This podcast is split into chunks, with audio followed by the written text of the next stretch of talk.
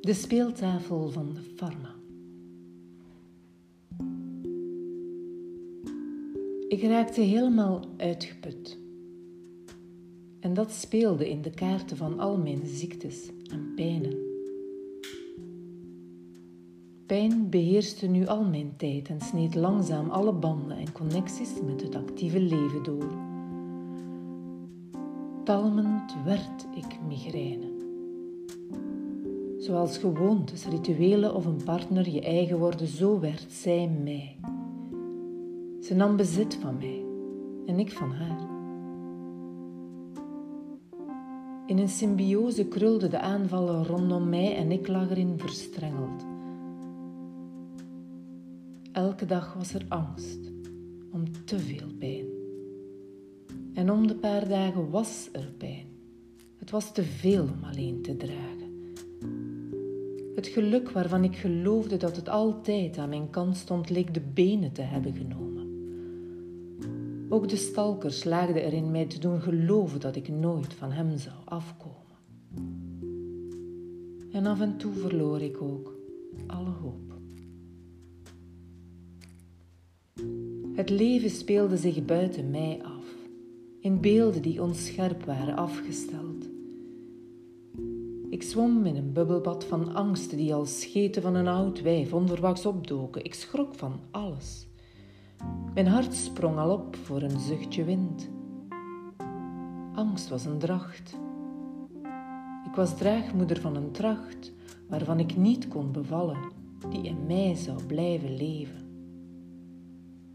Onrustig sprong ik op tegen mezelf, als een rat in de val. Ik werd wild uit hulpeloosheid en snauwde naar alles wat bewoog. Dat uitzichtloze en ongewisse maakte me zo nerveus en vanuit die benauwnis begon ik zelfs de dood in overweging te nemen. Maar er kwam beweging in de zaak stalking.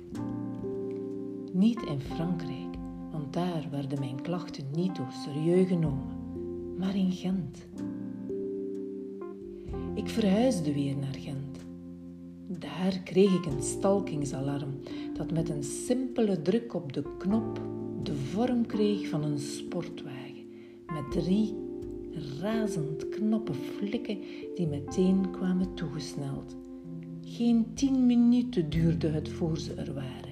Heel anders dan de gendarmen in Frankrijk, die me niet ernstig namen en lachten avec l'amour.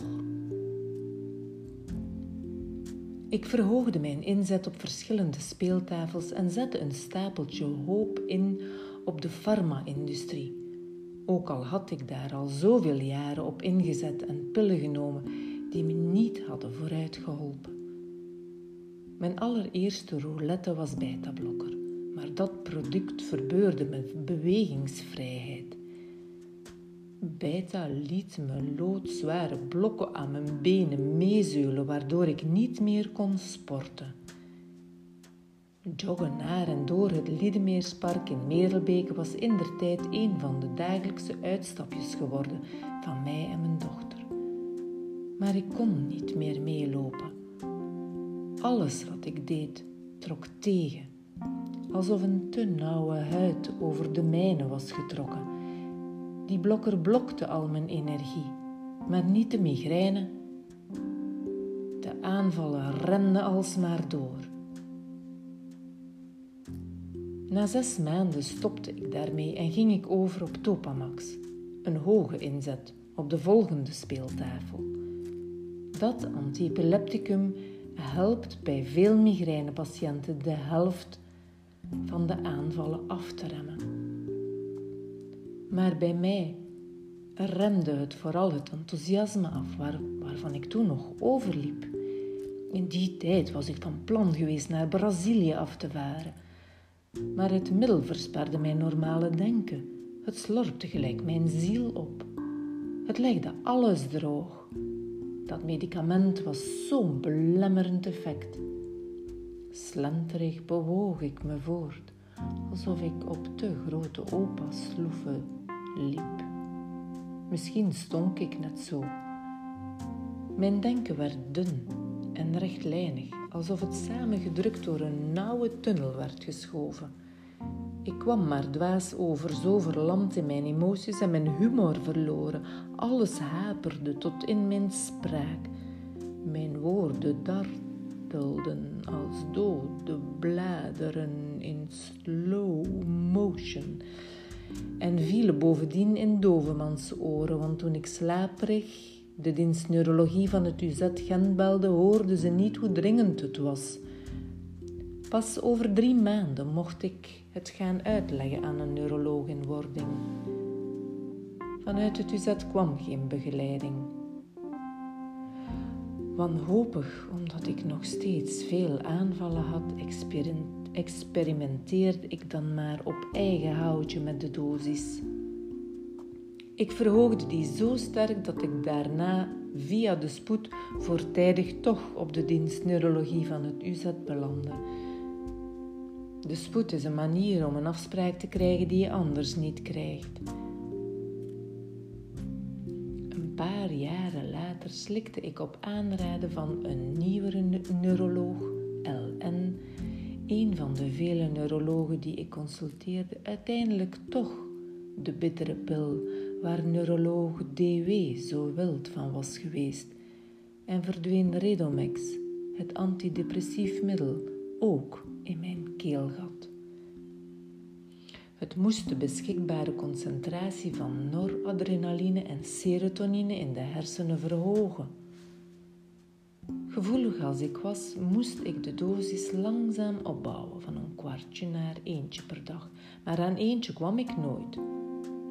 Zoals dat met al die chemische geneesmiddelen ging, reageerde ik zelfs al heftig op een halfje. Het ging van een half pilletje, dat al zo klein was, naar een kwartje. Maar zelfs met dat kwartje leek ik uit marmer gehouden. Van dat antidepressief middel werd ik zo droevig, vlak en moe. En bovendien verminderde het de migraineaanvallen met geen centimeter. Zonder afbreuk te doen aan de periode die nodig is om het medicijn zijn werk te laten doen, gaf ik ook aan de favoriet van DW de brui.